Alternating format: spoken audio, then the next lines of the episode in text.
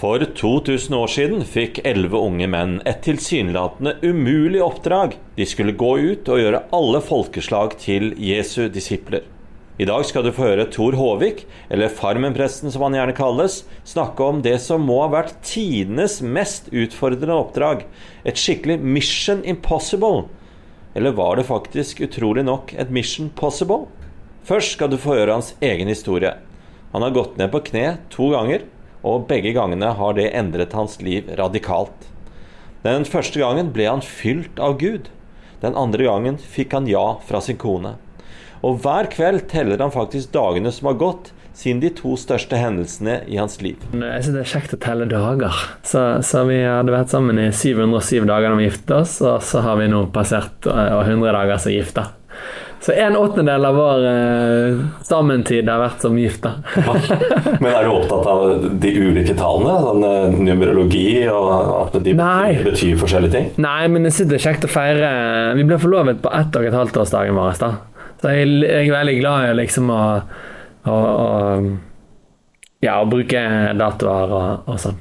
Men jeg har jo sett det på nettet, da. Altså, der har du filma din egen uh, forlovs... Altså frieri. Ja, ja, ja. ja, ja.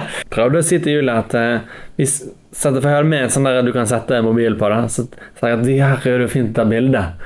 Så, så uh, oss, vi tar den på sånn utleser, og så tar vi bare bilde. og da setter jeg den på kamera da istedenfor. Tenker du på om det er liksom Oi, er dette et vårt øyeblikk, eller skal det være alles øyeblikk? Ja, ja på en måte så kan du si det, men jeg, eh, jeg tror Julie og jeg kjenner på veldig takknemlighet for at vi fikk filmet det. At vi liksom, vi, det blir vårt øyeblikk, og vi kan faktisk se det mange ganger. Og så tok vi en vurdering er det noe som vi har lyst til å vise til andre, og vi tenker at dette er jo en stor glede å få dele med folket.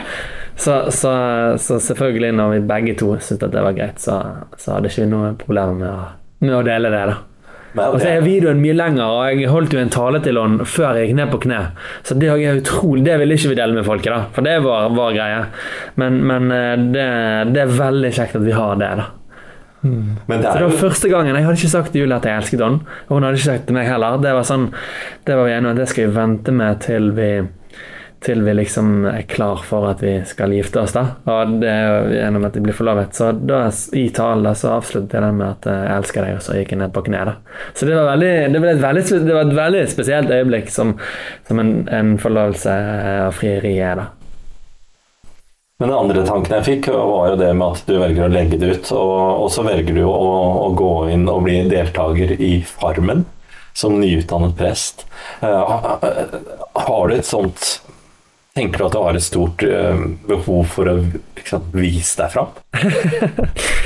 det, det, det, håper jeg ikke, da.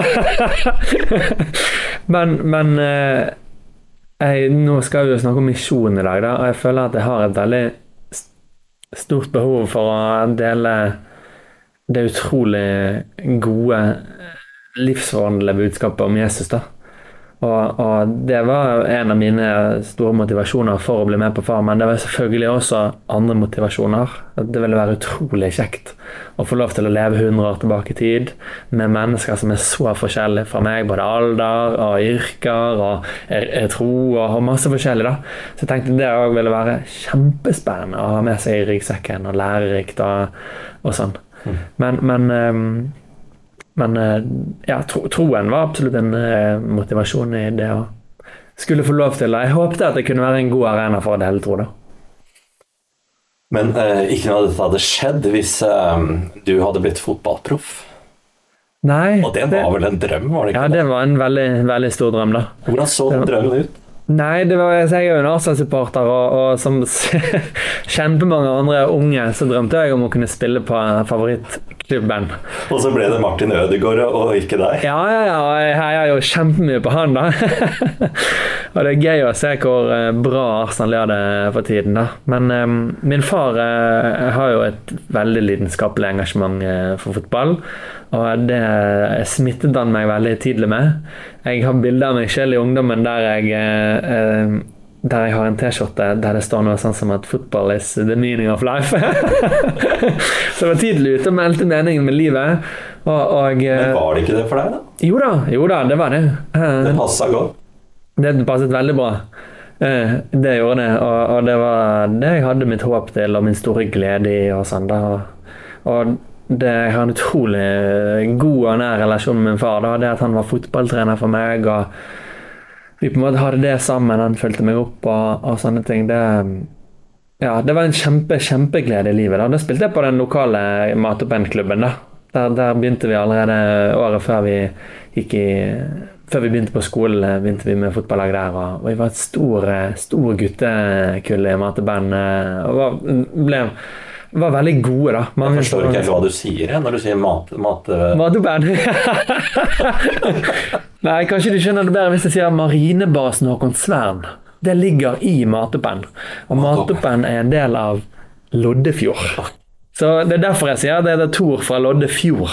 Fordi at eh, folk vet ikke hvor Mateband er. Det er på en måte en del av Loddefjord. Men Loddefjord har mange hørt om det. Hvis ikke hørte hørt om Loddefjord, så har de hørt om Bergen. Men du, eh, så gikk det jo ti år omtrent, da, og så, og så begynner denne drømmen å rakne. Kan det, hva var det som på en måte varsla deg om at noe var galt? Ja, jeg ble rett og slett eh, altså Kort fortalt så ble jeg skadet i, i begge knærne mine. da. Det var det en takling, eller? Nei, det var en eh, det tok, Og det tok også ganske lang tid før man faktisk fant ut hva det var. Da. Og det er utrolig kjedelig når man går med denne usikkerheten. eh. Men da var vi da var jeg på stadion, og vi gikk til mange forskjellige fysioterapeuter sånn her eh, skjelettgreier, her, eller muskel Men så tok vi en sånn røntgengreie på MR? Eller? ja, det var vel i en sånn maskin også, men det var i hvert fall på Brann stadion, på stadion fysikalske, så hadde de sånn gelé som de smurte på knærne. da. Og da kunne de se inn, og det viste seg at jeg hadde eh, en stor grop i skjelettet i begge knærne mine. da. Og Det var en kombinasjon av eh, vokseskade og belastningsskade. da. Og det, det gjorde at jeg da ville være ute Det var vanskelig å si ja, hvor lenge, og sånn, men, men at jeg ville være ute veldig lenge. da. Og da ble det, det, det, det ble en stor knekk for meg, da. Der jeg opplevde at jeg mistet det som virkelig var min mening i livet. da, Og det som jeg hadde så mye drømmer og håp om. Og som hadde det- fylt dagene med, med, med så mye innhold og tatt så mye tid. da. Så da satt jeg her med en, en stor tomhetsfølelse i livet. Ja, hva gjorde du da? Nei, hva gjorde jeg da? Nei, det Hva gjør man når man er i Var du deprimert? Nei, jeg tror Jeg vil nok, jeg vil nok ikke si at, at, det var, at det var så, så ille, da. Det, det, det vil jeg faktisk ikke si, da. Eh, Men det var en mørk tid i livet mitt. Og, og ja, en, en tung tid i livet, da. Eh, Så var jeg jo omsluttet av en eh, Jeg har vært veldig heldig med min familie. Sant? En mor og en far som alltid har stilt opp og vært kjærlige. og jeg vokste vokst opp i et veldig varmt hjem, så, så midt i alt så var jeg jo omsluttet av, av gode mennesker. da. Mm. Men jeg, hadde, jeg vil aldri si at jeg ble deprimert eller jeg gikk ikke til noen psykolog, eller noe sånt, men, men, og det er kjempeviktig å gjøre i vanskelige tider. Mm. Men, men eh, det gjorde ikke jeg i, i den tiden. Og, men jeg begynte å tenke mer over de store tingene i livet. da. Mm. Eh, Dette med Gud og om man kunne fantes, om det var Var det noen stor mening med livet. Eh, Og jeg husker altså, fordi du fikk bedre tid? Ja, jeg tror nok at Jeg tror at virkelige krisetider og vanskelige tider så er det en veldig naturlig menneskelig reaksjon å kanskje løfte blikket oppover. da. Og det syns jeg òg er litt interessant i Loddefjord. da. Nå skal ikke vi snakke om Antebø mer. Men I Loddefjord så er det sånn at om våren så vokser trærne sånn at man ikke kan se kirken fra den ene hovedveien fra, fra Fyllingsdal-området. Så kan man ikke se kirken, for da spirer det, og det gror, og det er masse liv og sånne ting. Mens på høsten, når liksom bladene visner og dør og, og faller av, da kan man se kirken. Og det, tror, det føler jeg er et bra bilde, i hvert fall i min situasjon, at når livet var flott og godt og sånn, da trengt, da følte jeg at jeg ikke trengte Gud, da. Men når livet var skikkelig vanskelig og sånn, så var det han som jeg da valgte å venne meg til. Mm. Det var eh, en dag da um, Hvilket år var det? Dette var i 2011. 2011? Hvor du Ja. Og apropos dager, som vi snakket Ja. om, så var det da over 4500 dager siden. Ja. Det nærmer seg 4600 dager. ja. Er det viktig? Nei, jeg bare synes det er artig. Jeg teller hvor mange dager jeg har vært kristen, og sant? hvor mange dager jeg har vært sammen med Julie, og Ja. ja, hvor mange dager er det til jeg er 75? Hvor mange dager er det? Nei, nå, jeg tror det, altså nå, det er, Jeg skriver hver kveld, altså så det, det er ca. 16 000 dager til, år. Mm. Men for 4500 dager siden Ja. så, så, så var ikke dagen Eller så var ikke du den samme da du våkna som når du la deg. Ja, det Hva var det som skjedde den dagen?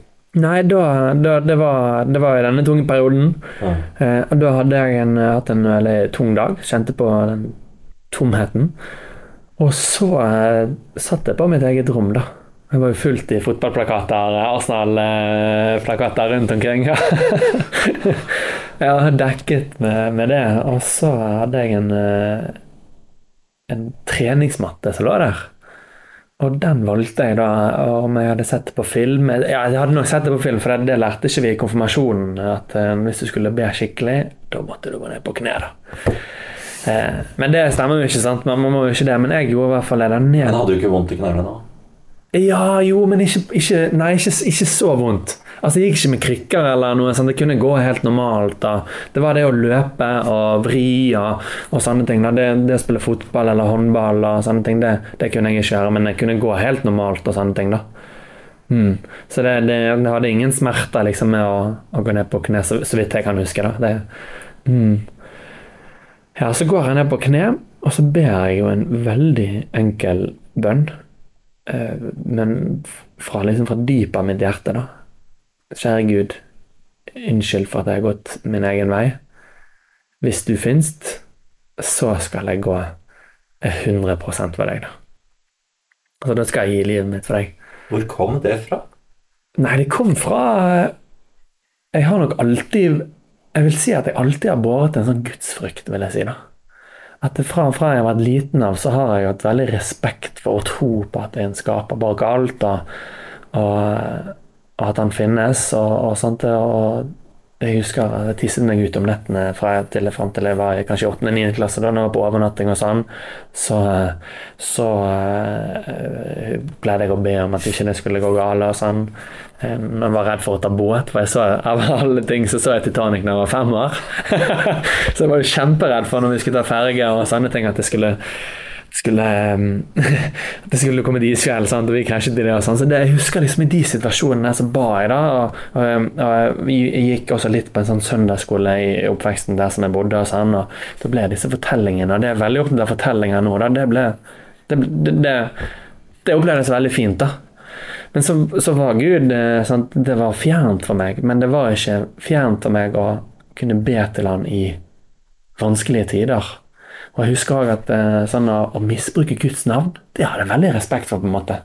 Så jeg vil si at, at jeg liksom Jeg hadde en sånn gudsfrykt i meg. da. Og, og for meg er gudsfrykt et veldig fint ord. Det betyr på en måte at jeg har veldig sånn stor respekt da, for liksom eh, livets giver. da. Og det tror jeg at jeg bærte med meg i hele barndommen, og, og gjorde at det å, å, å kunne venne seg til Gud i den nøden, det, det oppleves ikke fjernt. Så det var nok det det kom ifra. Var det den verste dagen eh, i livet ditt, på en måte, eh, den dagen? Ja, kanskje det var, jeg kan si at det var et bunnpunkt i denne veldig vanskelige tiden. Ja.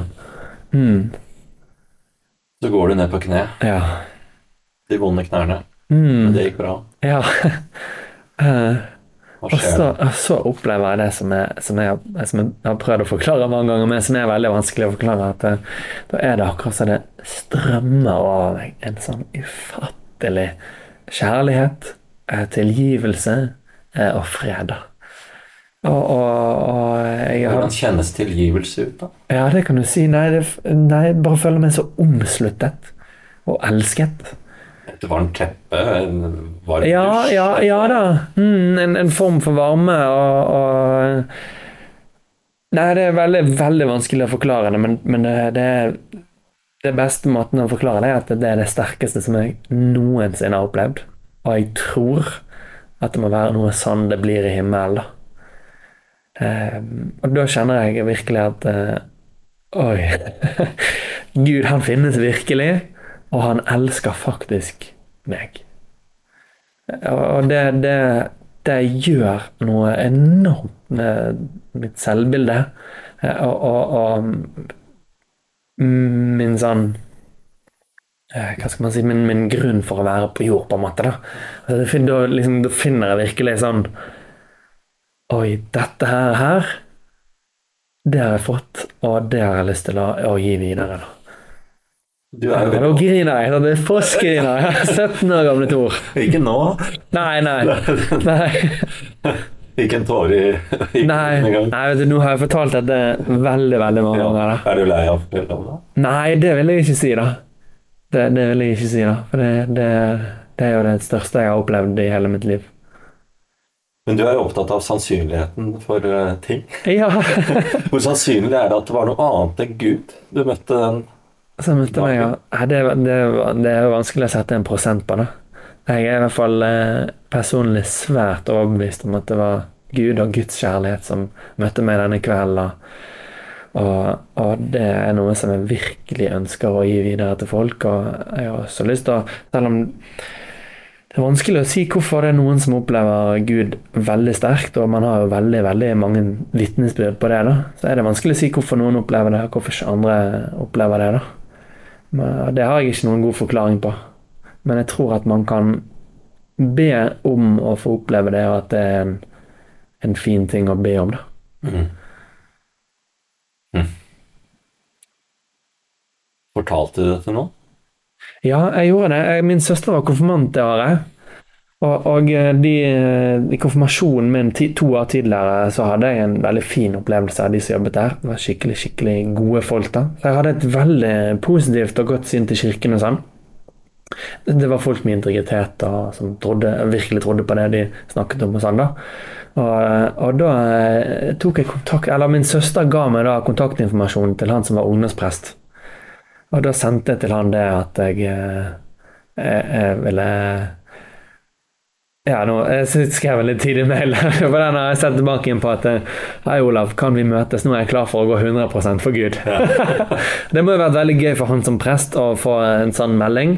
Da, eh, Fra en 16-åring? ja, ja, da var jeg blitt 17. 17, ja. Mm, mm. Og, og eh, så var det vel Jeg tror nok at jeg fortalte det til mine foreldre ganske fort. Men i hvert fall to måneder seinere, i min søsters konfirmasjon, så fortalte jeg da Da holdt jeg en tale for henne, og så fortalte jeg den opplevelsen jeg hadde hatt da til, eh, til hele familien eh, samlet. Hvordan tok de det? Nei, de, de tok det på en eh, Jeg synes de tok det på en veldig god og fin måte. Da. De var veldig overrasket over hvor flink jeg var til å tale. Det husker jeg at de sa! og, og ja, det var veldig kjekt for meg å være eldst i søskenflokken. Da, for da, da fikk jeg lov til å, å kanskje på en annen måte dele tro med mine yngre søsken da, Mm. enn det som jeg kanskje ville gjort hvis jeg var den yngste. Mm. For da hadde vi, vi begynte med bibelstunder på kveldene, og det var der f.eks. den godnatt-velsignelsen ble til, da, som, som vi hadde inne på farmen. Da, Så ble en, en greie vi gjorde en del der, da. Mm. Hvor, eh, hvor, hvor, hvordan var veien til å tenke at du skulle bli prest? Eh, Det er jo mange andre muligheter her i verden, men, eh, men du var ganske bestemt på det. Ja, ja og nei, da. Fordi at eh, når jeg skulle velge utdannelse, så, så hadde jeg liksom i, i bakhodet at tenkte det å sette spor og bety noe for andre var det største man kunne gjøre i livet. Og for meg sto det da hovedsakelig mellom lærer og prest. Psykolog òg tenkte jeg ville vært en spennende ting, da. Men, men eh, når jeg eh, skulle velge, så ble det teologi. Og så vurderte jeg veldig veldig sterkt hvis jeg bare sier det veldig kort, så vurderte jeg veldig sterkt i tredje år å bytte til lærer. da. Men da byttet de over til fem års lærerutdannelse, og jeg måtte da starte helt på nytt igjen. Og det var faktisk de tingene som gjorde i hovedsak at jeg ikke valgte å bytte over. Eh, Men, og det kjenner jeg nå på meg, jeg opplever som en veldig flott eh, ledelse. da. Kanskje ikke det var tilfeldig, men gudfeldig. da. Ja. For når jeg på tredje året, eh, sommeren etter å ha fullført tredje året, var prestevikar, så opplevde jeg det som eh, utrolig meningsfullt. Og at jeg hver eneste dag på en naturlig måte kunne fortelle om troen og Jesus. Jeg tenkte dette er et yrke som jeg virkelig har lyst til. Og så så jeg liksom at Den norske kirken når utrolig bredt. Både unge og gamle, og de, og de midt imellom, og, og, både folk som er vant til å gå i kirken, og folk som er veldig fremmed for å, å gå i kirken. Jeg tenkte at det ville være, Når vi skal snakke om misjon i dag, så ville det være kanskje den beste arenaen for å dele tro i, i Norge. da. Et stort potensial? da? Et kjempe, kjempestort potensial. da. Tenk å få følge i Loddefjord. Sant? Det var ungdomsarbeider der i, i, i, hvert fall i syv år. Eh, å få følge da 80-90 konfirmanter i året der man uke inn og uke ut kan få lov til å dele troen med de. Det er jo en kjempe, kjempefin mulighet vi har. Hvorfor er det viktig å tro, da? Nei, hvorfor er det viktig å tro, ja? Nei, det, det er viktig på veldig mange plan, da. Men jeg tenker jo den grunnleggende tanken i den kristne troen er at vi er skapt for å ha fellesskap både med hverandre og også med Gud. da og at Gud faktisk har skapt oss også for det evige liv. Da. Eh, og det ser ut til at, eh, at man, man, må, man, må, velge å ta imot det som Jesus har, har, gjort for oss, for å kunne ha det fellesskapet med Gud da, mot det evige liv. Da. Så jeg tenker at hvis man tror det, så er det jo veldig viktig å, å, å velge det å, å, ha med Gud å gjøre. Da. Så ser man jo også at det, det gir en del sosiale fordeler. Da. Man ser jo forskning viser at man lever litt altså Det er jo bare litt, grann, man lever litt grann lenger i snitt. Man skårer litt grann høyere på friskhet, og man, man uh, skårer litt grann høyere på lykke. Så det er klart at det troen bringer den Ja, tydeligvis. Men du, når du eh, ja, Like etter at du var ferdigpress, så, så velger du altså å søke Eller ble det oppfordra om å bli med i Farmen? Ja, det er, det er jo òg en litt lengre historie. For det, det, så jeg jo da jeg var liten. Så er det en kamerat. At da ble vi enige om at når vi blir eldre, så skal vi søke oss inn på Farmen, da. så da jeg var 21-22, så søkte jeg på Farmen sjøl, da. Tenkte, tenkte nok de samme tingene. For da var troen blitt en veldig viktig del av livet mitt. Men, men det står et potensial igjen, da? Ja, så det var det at jeg håpet at det kunne være en god arena for, for å, å, dele tro, og det ville være en kjempespennende opplevelse. Være med og, og sånn. Men sant, da kom jeg ikke med, da. Men så i 2019, året før jeg kom med på Farmen, da var det noen som søkte for meg. Og det vet jeg ikke hvem er, faktisk. Da Nei. Da kom jeg veldig langt i prosessen.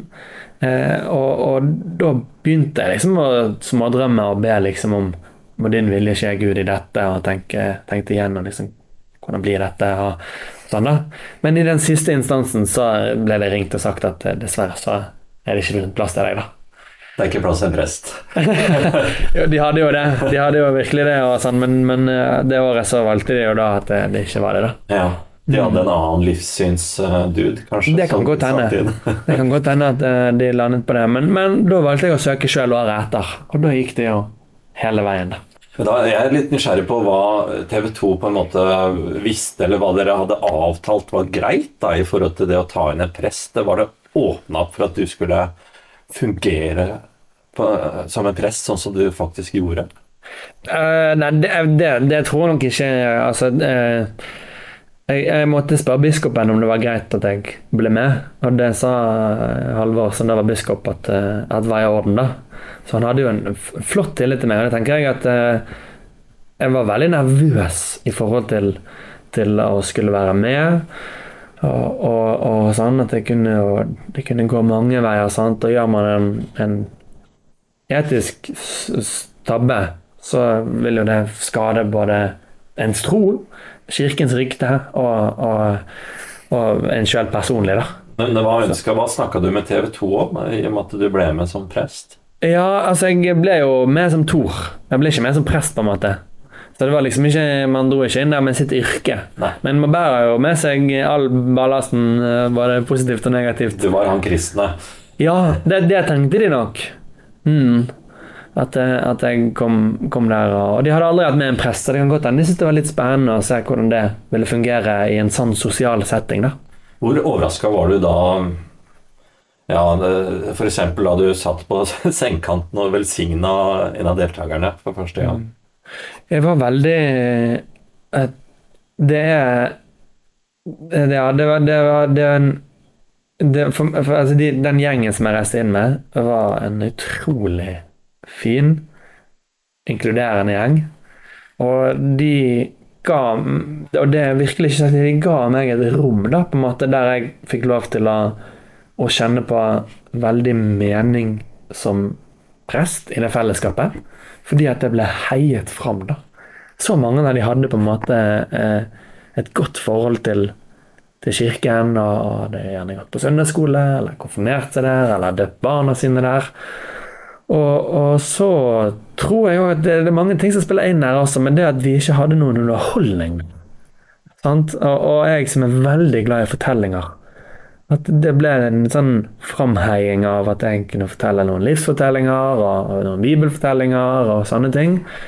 Og så var var Nils, han nordlendingen, han var en av de som på en måte virkelig heiet fram dette med at, at de gode tingene som man som kristen bærer med bønn og velsignelse og trossamtaler og sånn, det var noe han ønsket å heie fram. da. Og han var det som gikk rundt på en måte og sa vet du, dere må, dere må forsøke godnattvelsignelse. Det var veldig, veldig spesielt og fint. da. Og da, da var det jo veldig mange som ønsket det.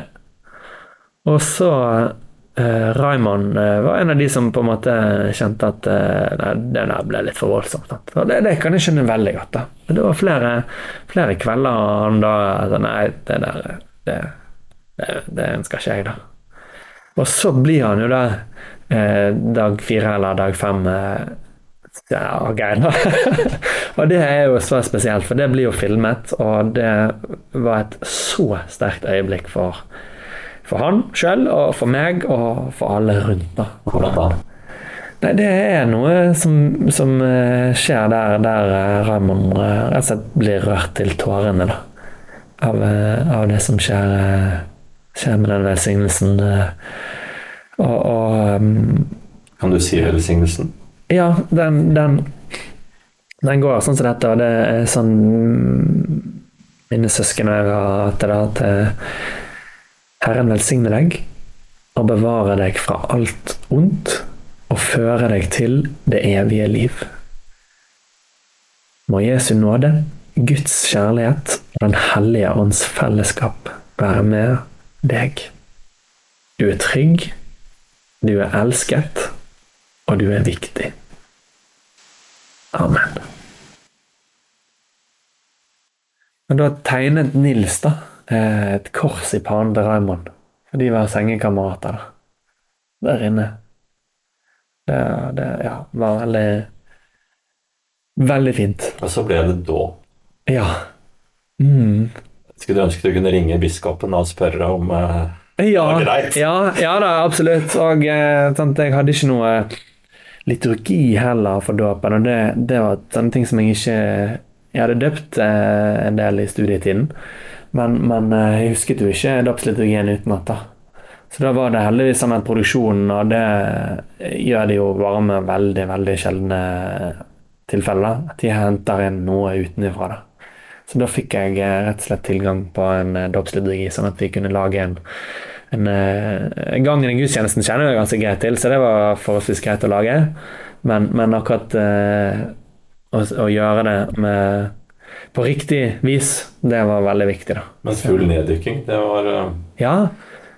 Eh, spesielt. ja, det var veldig spesielt. Og, og på voksne så syns jeg det, det anbefaler jeg faktisk folk å gjøre. For da blir det så veldig sterkt, dette bildet med hva som skjer i dåpen. Sånn At vi dykker da Vår synd vaskes bort, sant? tas på Jesus. Vi dør fra det gamle livet, og så står vi opp igjen til det nye livet i etterfølgelse av Jesus, da. Eh, som han også oppsto, på en måte. da. Mm, Så det, det syns jeg er veldig, veldig fint. Og Det var en sånn perleport vi nærmest gikk inn i. da. Så det var litt sånn himmelsk over hele, hele settingen med ute, utegudstjeneste. Har du møtt mye motstand på, på det du forteller om? Du forteller om en sånn mystisk opplevelse som 16-åring, og du, du står fram eh, som en sånn eh, kristen ideal på, på Farmen. Mm. og så er det, er det mye motstand du møter? Jeg tror eh, Nei, jeg vil ikke si det. Altså, det har vært noen få ganger jeg har kjent at jeg måtte sånn stå opp for meg sjøl i forhold til at jeg er en kristen. da. Det har vært noen, uh, noen som har, uh, har liksom sagt litt sånn Ikke akkurat stygge ting, men litt hånende ting. da. Det har vært veldig få ganger. da. Men det jeg opplever at mange andre sier at de har opplevd. da.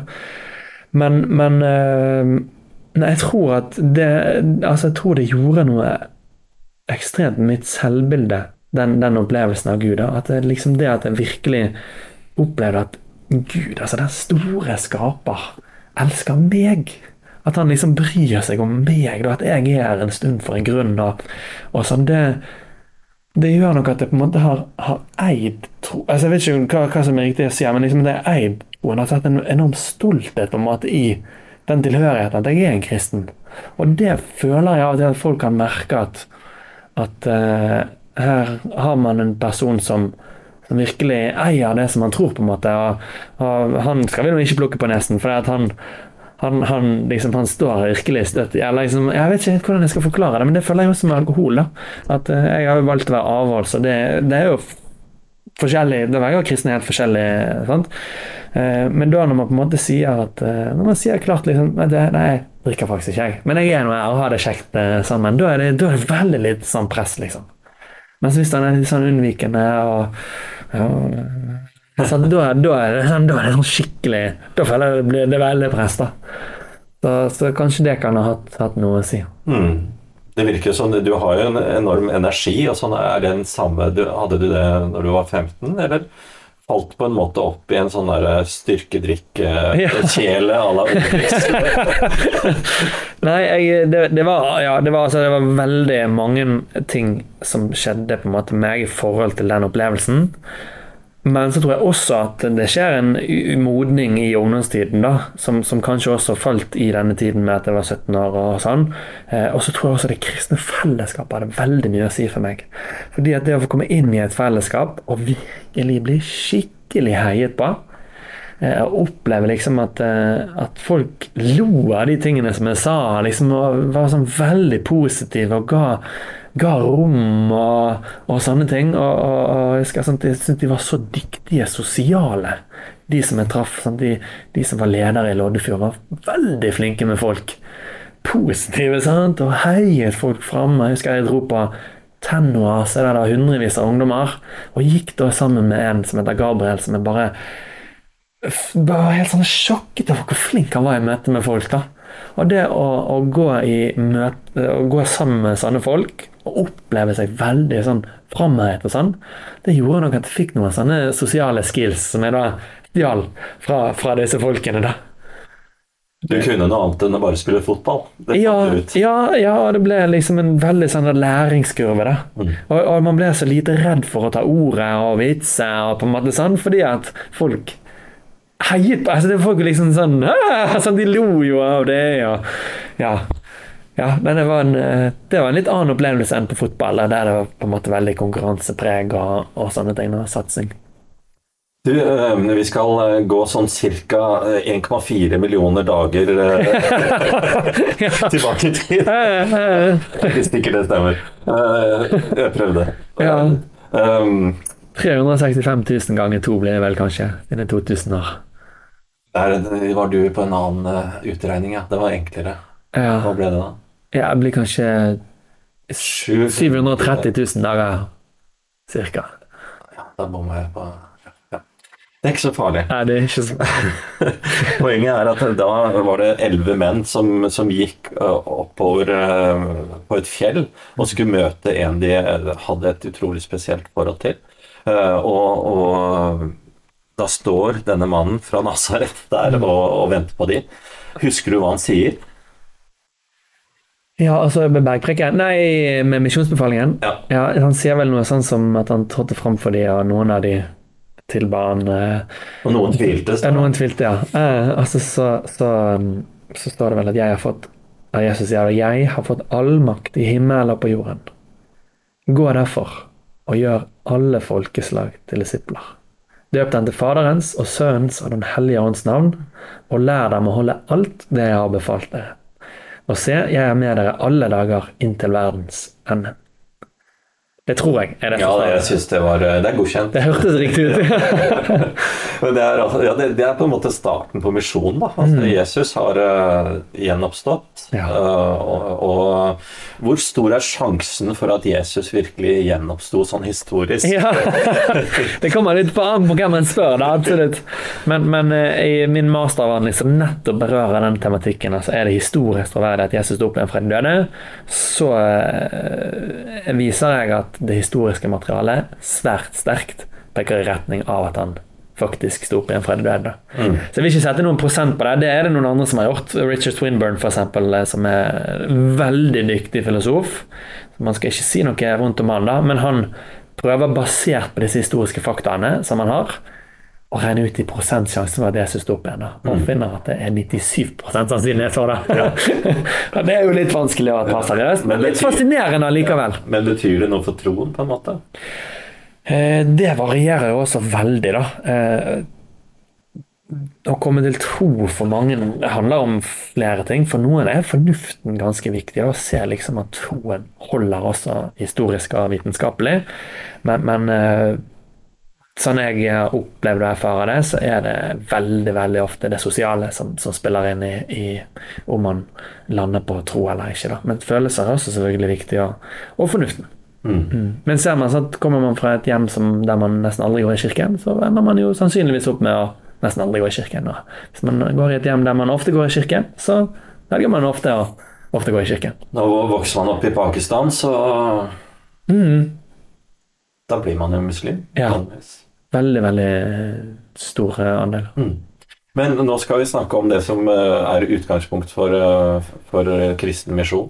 Mm. Misjonsbefalingen. Eh, Det må ha vært det mest hårete oppdraget noen noensinne har fått. Ja. Elleve menn. Gå ut! Få alle folkeslag til å vende seg om. Ja. Det, det, det er jo litt voldsomt. Ja, ja, ja. Det, det er absolutt voldsomt, da. Men, men ehm, Ja, jeg tror kanskje at jeg vil, vil tenke eh, at det må ha føltes oppnåelig, da. De, hadde jo, de hadde jo nettopp vært i sin dypeste, dypeste fortvilelse og sorg og tenkt at alt er over. De hadde jo sett masse mirakler og opplevd store ting med Jesus. Og så allikevel så ender det med død. Og så, sånn, så snur det jo liksom eh, fra det dypeste til det eh, høyeste form for håp. Da, at de møter Jesus levende igjen. da. Og ikke bare de elleve, men mange flere også. da, Så det var nok ikke kun de elleve som fikk misjonsbefalingen, men, men mange flere også, da.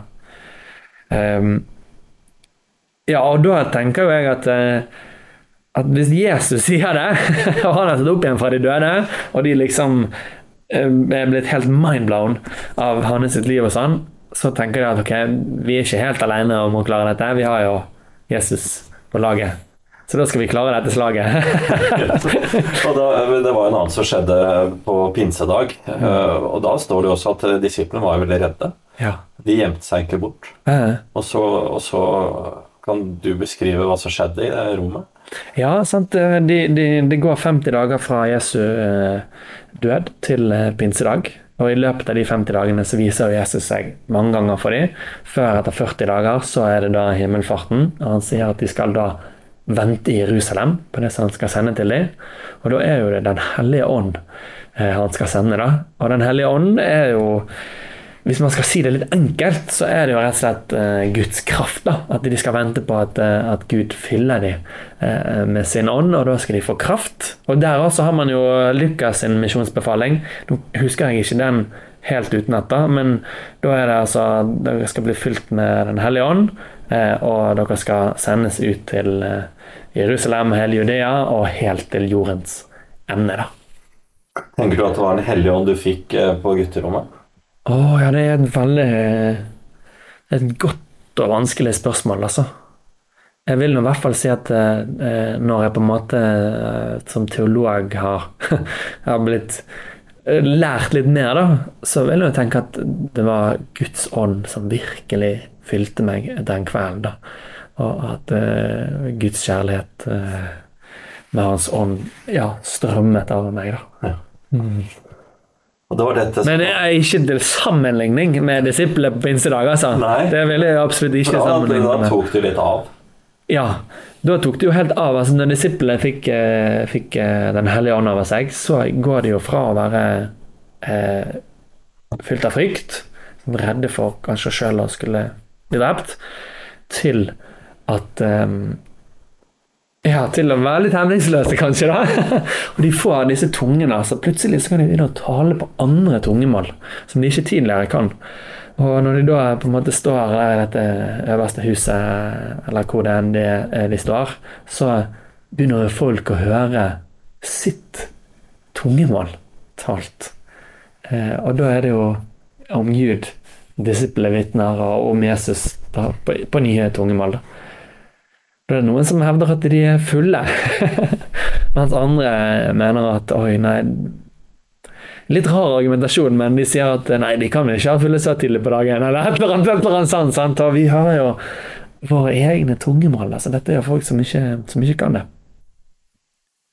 Hva tenker du om den eh, bedriften de tross alt gjorde? da? De heiv seg rundt og, og, og føyk rundt for å fortelle om dette her, og så møtte de jo døden, eh, Ja. de fleste av disiplene. Mm.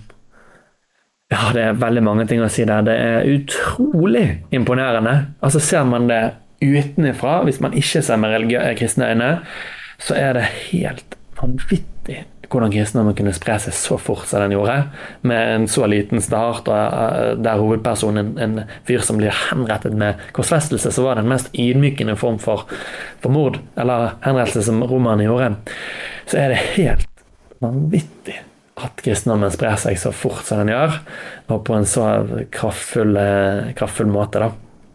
Så, så Der er jo Paulus, han er Ja jo helt eh, rå. Ja, ja, ja, ja helt, helt rå, og det, det, det Ja, og bare at de Det, det var også en viktig del av min masteravhandling, at de var villige til å gå i døden for det. At de, de på en måte De var i en helt unik posisjon til å vite om det de ofret livene sine for, var sant eller ikke. Sånn, de visste om de hadde møtt Jesus levende igjen eller ikke. Og allikevel så er de villige, altså de er så sikre på det at de er villige til å gå i døden for det. Og de bruker resten av sitt liv på å formidle det, der de møter mye større forfølgelse enn det mange av oss i dag eh, opplever her i Norge, i hvert fall. Paulus Ja. han går fra å være en forfølger til å bli en etterfølger. Ja. Pa- Paulus må jo være sies, og det jo uavhengig av livssyn, må sies å være en av de mest fascinerende personene som noensinne har levd.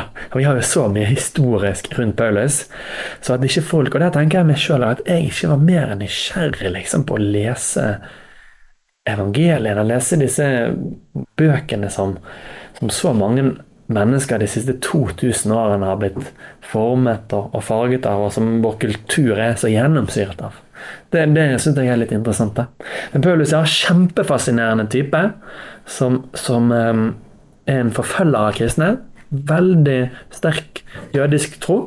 Høyt utdannet, fortsatt ung, ambisiøs. Kanskje han er vanskelig å si hvor gammel han er, men kanskje han er i 20-årene et sted. Og så er han på vei til Damaskus for å forfølge og, fange. Han har fått eh, godkjenning av brev av myndighet til å kunne fenge, fange og fengsle kristne. Så på vei til Damaskus så får han jo et vanvittig kraftfullt møte med Jesus, som viser han seg for han som den oppstandende. Og det forvandler jo hele Paulus sitt liv, da. Han blir jo blinda og Han blir blendet, ja. Mm. kan ikke se på flere dager. Ja. Eh, Og han har såpass rykte på seg at når Gamaliel, tror jeg det er Nei, hva heter han? Husker du hva han heter, han eh, som har dette synet? Nei. Nei, nei men det er i hvert fall en kar Han som møter han inne i Damaskus. Ja. ja. han, altså, det er en som har et, et, et eh, opplever at Gud taler til ham, så han går og ber for Paulus. og da svarer han Gud at jeg kan jo ikke gå til han, han er jo en fryktelig forfølger. Når du da taler Gud imot fordi at denne personen har så voldsomt opp på seg, da må du være en ganske straffeforfølger. For når Gud sier noe, så bør man jo lyde det. Men Gud sier jo, vet du, eh, gå og, og gjør dette her. Og så gjør han det og ber for Paulus. Paulus får syne igjen, og Der starter det nye livet for Paulus. Han blir døpt, og han blir opplært i den kristne troen. Og han blir en av de viktigste Han blir nok den viktigste misjonæren for den kristne tro som noensinne har levd. Ja, Man kan jo lure på hvor han tar det fra, for han har jo skrevet så mye på en måte smart om det kristne tro. Han må jo ha hatt en sånn slags direkte nedlasting, kan man tro. Ja, og så er han Han oppsøker jo også apostlene forholdsvis tidlig i Jerusalem og får snakket med de og, og sånne ting, da. Men, men absolutt, han, han, må ha vært veldig inspirert ovenifra, da. Men han hadde nok mange, han hadde nok god kontakt med de som hadde levd aller nærmest på, på Jesus. Så har vi jo hans sine brev. sant? Vi har eh, sannsynligvis 13 eh, Paulusbrev eh, som, som er eh, plassert i, i Bibelen. Vet ikke vi helt hvem som har skrevet det brevbrevet, men det, det kan være Paulus. Men det kan også være andre. Hva tenker du om at dette budskapet har levd og overlevd i 2000 år og på en måte bredt seg ut? Det er jo et par milliarder kristne mm. per i dag. Hva, hva, er det på en måte som holder oppe? Er det, er det Den hellige ånd? Ja, det, det, det, vil jeg gjerne spørre deg også, Ona. Jeg tenker at svaret kanskje kan være så enkelt. at eh, det, det, gir i hvert fall en troverdighet til troen. Da, at han har tålt tidens stand og utbredt seg og nådd ekstremt mange mennesker.